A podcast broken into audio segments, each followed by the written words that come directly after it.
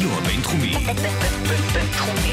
106.2 FM. 106.2 FM. חמוצים. פעם רביעית. המערכת הפוליטית על ספת הפסיכולוג. עם הפרופסור בועז בן דוד והפרופסור גלעד הירשברגר. אז שלום לכולם, מי שבלייב תודה שחזרתם אלינו, אני פרופסור בועז בן דוד, פסיכולוג קוגניטיבי, ואיתי כאן פרופסור גלעד הירשברגר, פסיכולוג חברתי פוליטי, שנינו מבית הספר לפסיכולוגיה במרכז הבינתחומי הרצליה. אנחנו נותנים לכם זוויות פסיכולוגיות על מערכת בחירות, נקרא לה מועד ד', אני חושב שאין דרך אחרת לקרוא לזה. בחלק הראשון, למי שפספס, רוצו וחפשו את זה בספוטיפיי או בכל אפליקציה אחרת שבה אתם מחפשים צורכים, יש לומר, את ההסכתים שלכם. ניסינו לדבר על אמריקה מול ארה"ב בגישה לקורונה.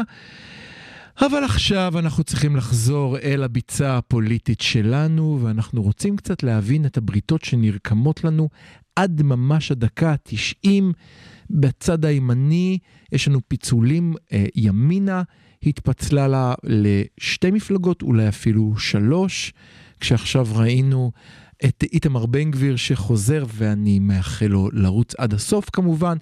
בצד השני אנחנו רואים היום תשע מפלגות שנכנסות תחת הכותרת שמאל מרכז, תשע בספירה האחרונה שלי, למרות שאני מוכרח להגיד, אני מדבר עכשיו ב-4.28, יכול להיות שבחמש דקות האחרונות לא פתחתי טוויטר כמה כבר עשירית, אי אפשר לדעת, אבל אנחנו יודעים שיש כל מיני בריתות שנרקמות, ואנחנו אולי גם ננסה לצפות את השבוע הקרוב, אז גלעד, בבקשה.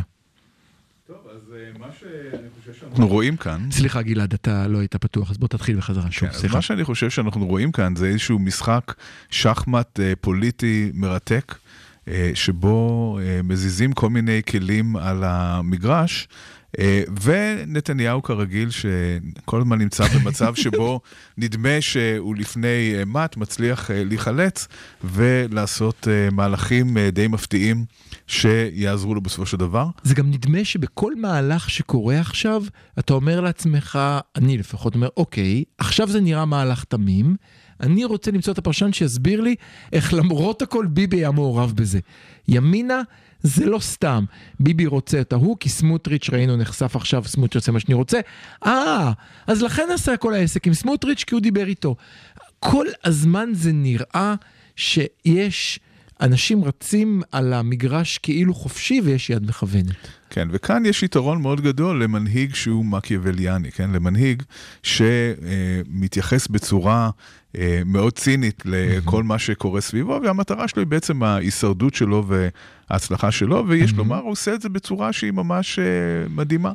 אה, מצד אחד, הוא רץ ליישובים הערבים ומחזר אחר הקול הערבי, ולמחרת, בלי למצמץ, הוא אצל איתמר בן גביר, ומנסה לשכנע אותו ללכת עם סמוטריץ'.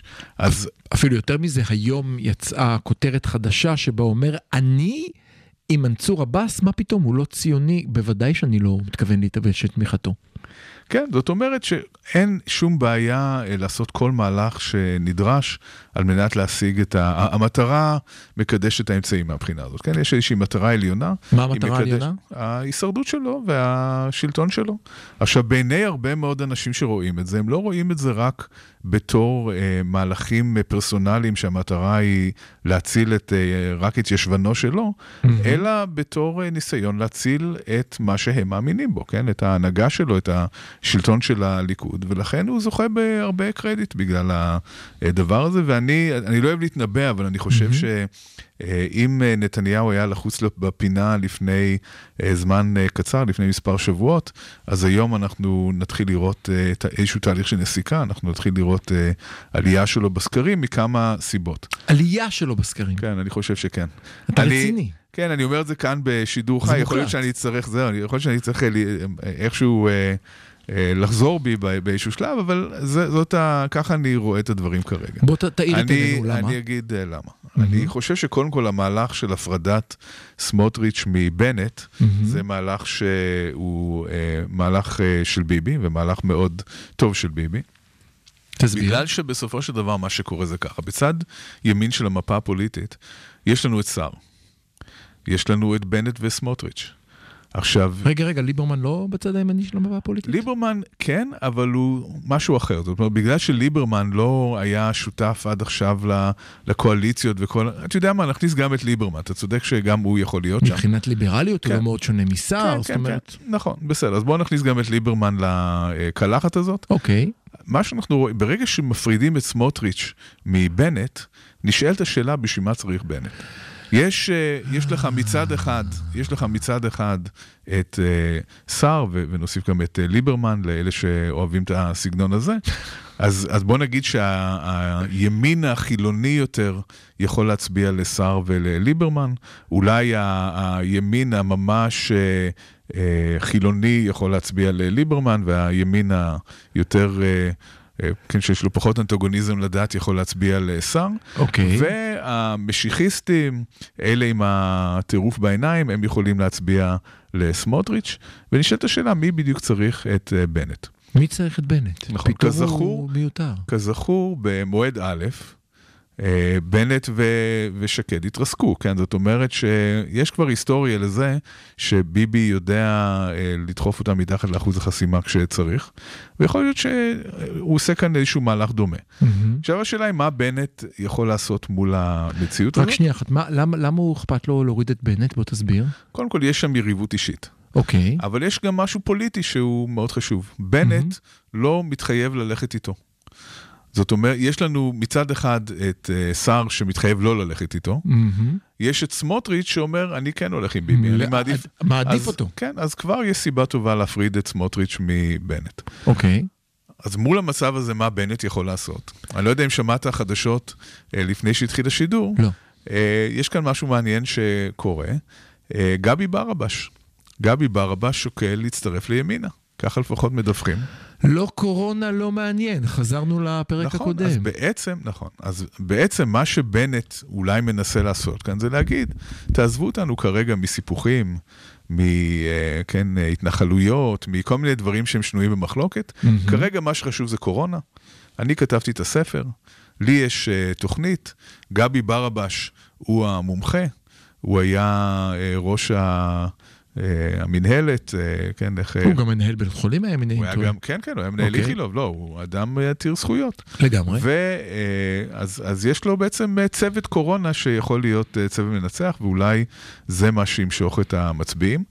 אה, יכול להיות, אבל אה, עדיין אה, במצב שבו מצביעי ימין יכולים להצביע קודם כל לליכוד, והרבה מהם יצביעו לליכוד. למה ללכת לחיקוי שיש לך את המקור? בדיוק, למה ללכת לחיקוי שיש את המקור? במיוחד שכרגע המקור אה, מחסן בהיסטריה את כל האוכלוסייה. לגמרי.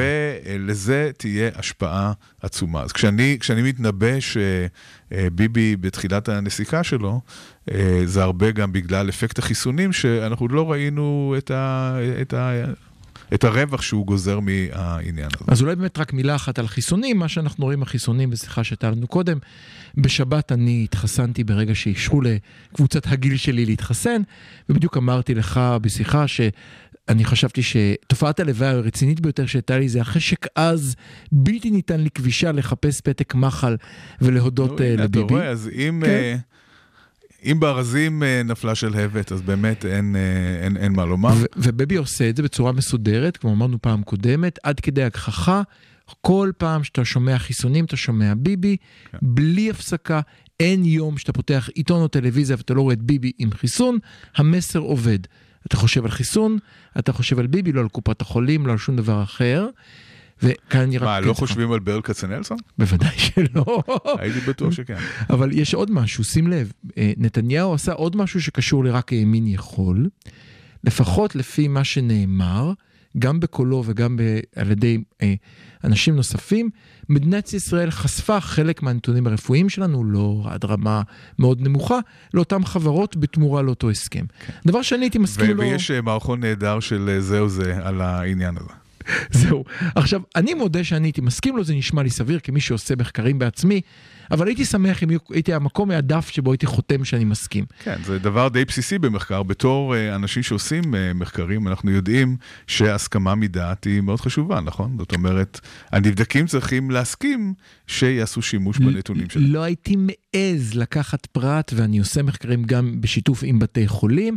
בחיים אין פרט אחד שאני לוקח מאדם, מתיקו הרפואי בוודאי, אבל גם לא, אפילו שהוא נותן לי בעצמו, בלי שיש הסכמה מודעת. למי שפספס הסכמה מודעת, יש דף שבו מסבירים לך, ואתה חותם שאתה מסכים. אני מוכרח לספר לך, קיפלתי חיסון, אני לא חתמתי על שום דבר בדרך. אבל שוב, אני חושב שאם השמאל היה עושה עסקה כזאת, הימין היה אומר, האח הגדול, הקומוניסטים באים להסתכל לי בתוך התיק רפואי. נכון, נכון. ו... עכשיו, כאן אני מוכרח להגיד שבאופן עקרוני, אני שמח אפילו שלוקחים את הנתונים האלה ועושים בהם שימוש, כי זה באמת יכול uh, לעזור למחקר, זה יכול, יכולות להיות השפעות מאוד uh, טובות mm-hmm. לשימוש במידע הזה, אני לא חושב שינצלו אותו לרעה, אבל הדבר הבסיסי של uh, אתיקה, של לשאול אנשים אם הם מסכימים, זה, זה מאוד חשוב. כי אם היום עושים משהו שהוא בסך הכל לא שונוי במחלוקת ואולי חיובי עם הנתונים האלה, אף אחד לא יכול להבטיח שמחר לא יעשו שימוש שהוא בעייתי, ולכן יש הסכמה מדעת, ולכן יש כללי אתיקה. אמנם קצת גלשנו, לא לזה התכוונתי לדבר, אבל בכלל נדמה שמאז תחילת מגפת הקורונה בישראל, כל נושא הפרטיות שלנו לא לגמרי... איך נגיד, בשיא זוהרו, אם זה איכון השב"כ, אם זה הטלפונים שלנו, אם זה רשויות שפותחות טלפונים של אנשים, שמענו. משהו כאן מתחיל להרגיש... Uh... וכאן יש, ב... זו נקודה מאוד חשובה, כאן בדיוק הסכנה לדמוקרטיה. כן, זה נשמע אולי נורא בומבסטי כן. לומר סכנה לדמוקרטיה מעניין כזה, אבל ברגע שבעצם אה, התפיסה היא שכשיש מצב חירום אפשר לעבור על כל הכללים, mm-hmm. אז קודם כל זה בעייתי בפני עצמו, אבל זה כמובן גם מעודד פוליטיקאים לייצר מצבי חירום, כדי שהם לא יהיו כפופים לכללים האלה. כן, אז uh, אנחנו צריכים לדרוש מהמנהיגים שלנו לשמור על הכללים גם במצב חירום, uh, בפרט שאין שום סיבה לא למשל להחתים אנשים על הסכמה מדעת אה, כשמחסנים אותם. אז אולי... אולי, אז אולי יש סיבה, אולי יש סיבה, כי אז אתה לא תקבל שלושה מיליון מתחסנים, אלא אולי שלוש מאות אלף. אני לא חושב שתקבל 300 אלף, אני okay. חושב אוקיי. שאם, uh, כמו שאתה מכיר במחקרים שלך, mm-hmm. יש אחוז מסוים שלא יחתום. נכון. אז, אז אולי יהיה לך 2 מיליון ולא 3 מיליון. אוקיי. Okay. ועדיין, זה מאוד חשוב uh, לכבד את הרצונות של אנשים, ואתה תקבל עדיין מידע שהוא מאוד חשוב מה-2 מיליון ולא מה-3 מיליון. אין, אין הצדקה לא להחתים אנשים על, הצדקה, על הסכמה מדעת, אף פעם. ברגע שמתחילים אה, אה, לא לשמור על הכללים כאן, אז כן, זה, המדרון הוא מאוד ברור. אז אנחנו בעצם במדרון שהתחלנו בו עם איכון השב"כ, שהדיון שלה, אם אתה זוכר, אם הוא חוקי או לא חוקי, אם הוא חיוני, אם הוא יעיל או לא יעיל, כן. וראינו שהוא לא היה בדיוק יעיל, לפחות להבנתי, אני לא מומחה, אבל עם מה שקראתי. המשכנו עכשיו לפרטיות שלנו שנעלמת בנושא החיסונים, ואם דיברת על חוק שמשתמשים בו, מצבי חירום שמשתמשים בהם, אז... למיטב זיכרוני, בשבוע שעבר ביום שלישי היה אמור להיות אירוע מאוד מעניין, שלישי, נכון? בסופו של דבר אותו אירוע לא התממש, לא נפתח משפטו של אה, בנימין נתניהו. או, עכשיו אתה מגיע, אם אנחנו מדברים באמת על אה, משחק השחמט הפוליטי המאוד מעניין שאנחנו נמצאים בו, אז עוד אחד מהמהלכים המעניינים שלא זכו להמון תעודה, אבל לדעתי... ממש לא. הם אה, מהלכים חשובים.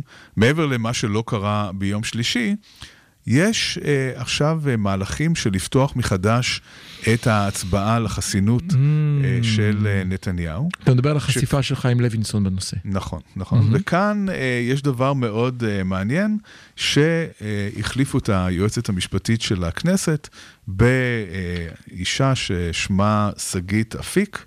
והיא לא uh, סתם uh, מישהי, היא מינוי אישי של יריב לוין, יד ימינו של uh, נתניהו. זאת אומרת ש...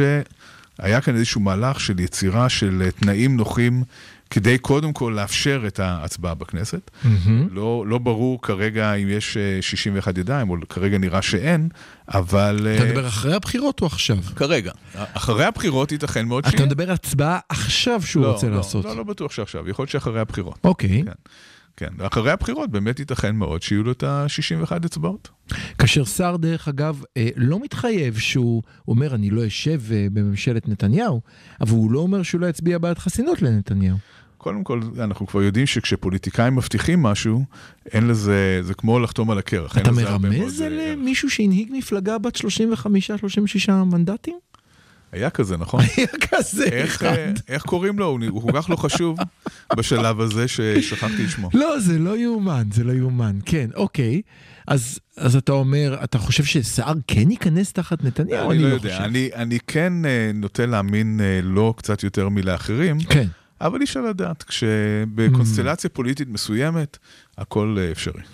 אז אנחנו רואים שמצבי החירום משתמשים בהם לכל מיני דברים, ובין היתר השתמשו בהם לדחיית המשפט בינתיים, ואתה אומר אולי אפילו על יכולת לייצר אה, חנינה מלאה, או איזושהי התחמקות כלשהי מלהגיע לבתי המשפט. ככה זה נראה, זאת אומרת, אנחנו לא יודעים את כל המהלך עד הסוף כרגע, אבל אנחנו רואים שיש כאן איזשהו מהלך, וזה בהחלט אה, ייתכן. אני חושב שאחד הדברים החשובים אה, לקחת מכל מה שאמרנו עכשיו, זה באמת התנהגות של הציבור ושל פוליטיקאים במצבי חירום. ברגע שמגדירים מצב כמצב חירום, אז התותחים רועמים והמוזות שותקות, ויש פחות אה, ביקורת ופחות אה, נכונות אה, לבקר את השלטון כשהוא מפר את הכללים שלו עצמו. כן, יותר בעצם לגיטימציה לזה שהמנהיג יעשה דברים שהם לא אמורים לעשות, ויש ניצול לזה לרעה כמובן. אתה רוצה שנדבר עכשיו קצת על המלכוד של השמאל, או אתה רוצה קודם שיר? מה בא לך? בוא, בוא נשים שיר ונעבור על בוא זה. נשים שיר ואנחנו, תחזרו אלינו, אנחנו חמוצים, ננסה לדבר קצת על המלכוד שנמצא נמצא בו היום השמאל, שמצד אחד, דיברנו בהתחלה, רוצה לדבר נגד הקורונה, ב... בעד נתניהו זה נגד הקורונה, בעד השלום זה בעד נתניהו, מה קורה פה?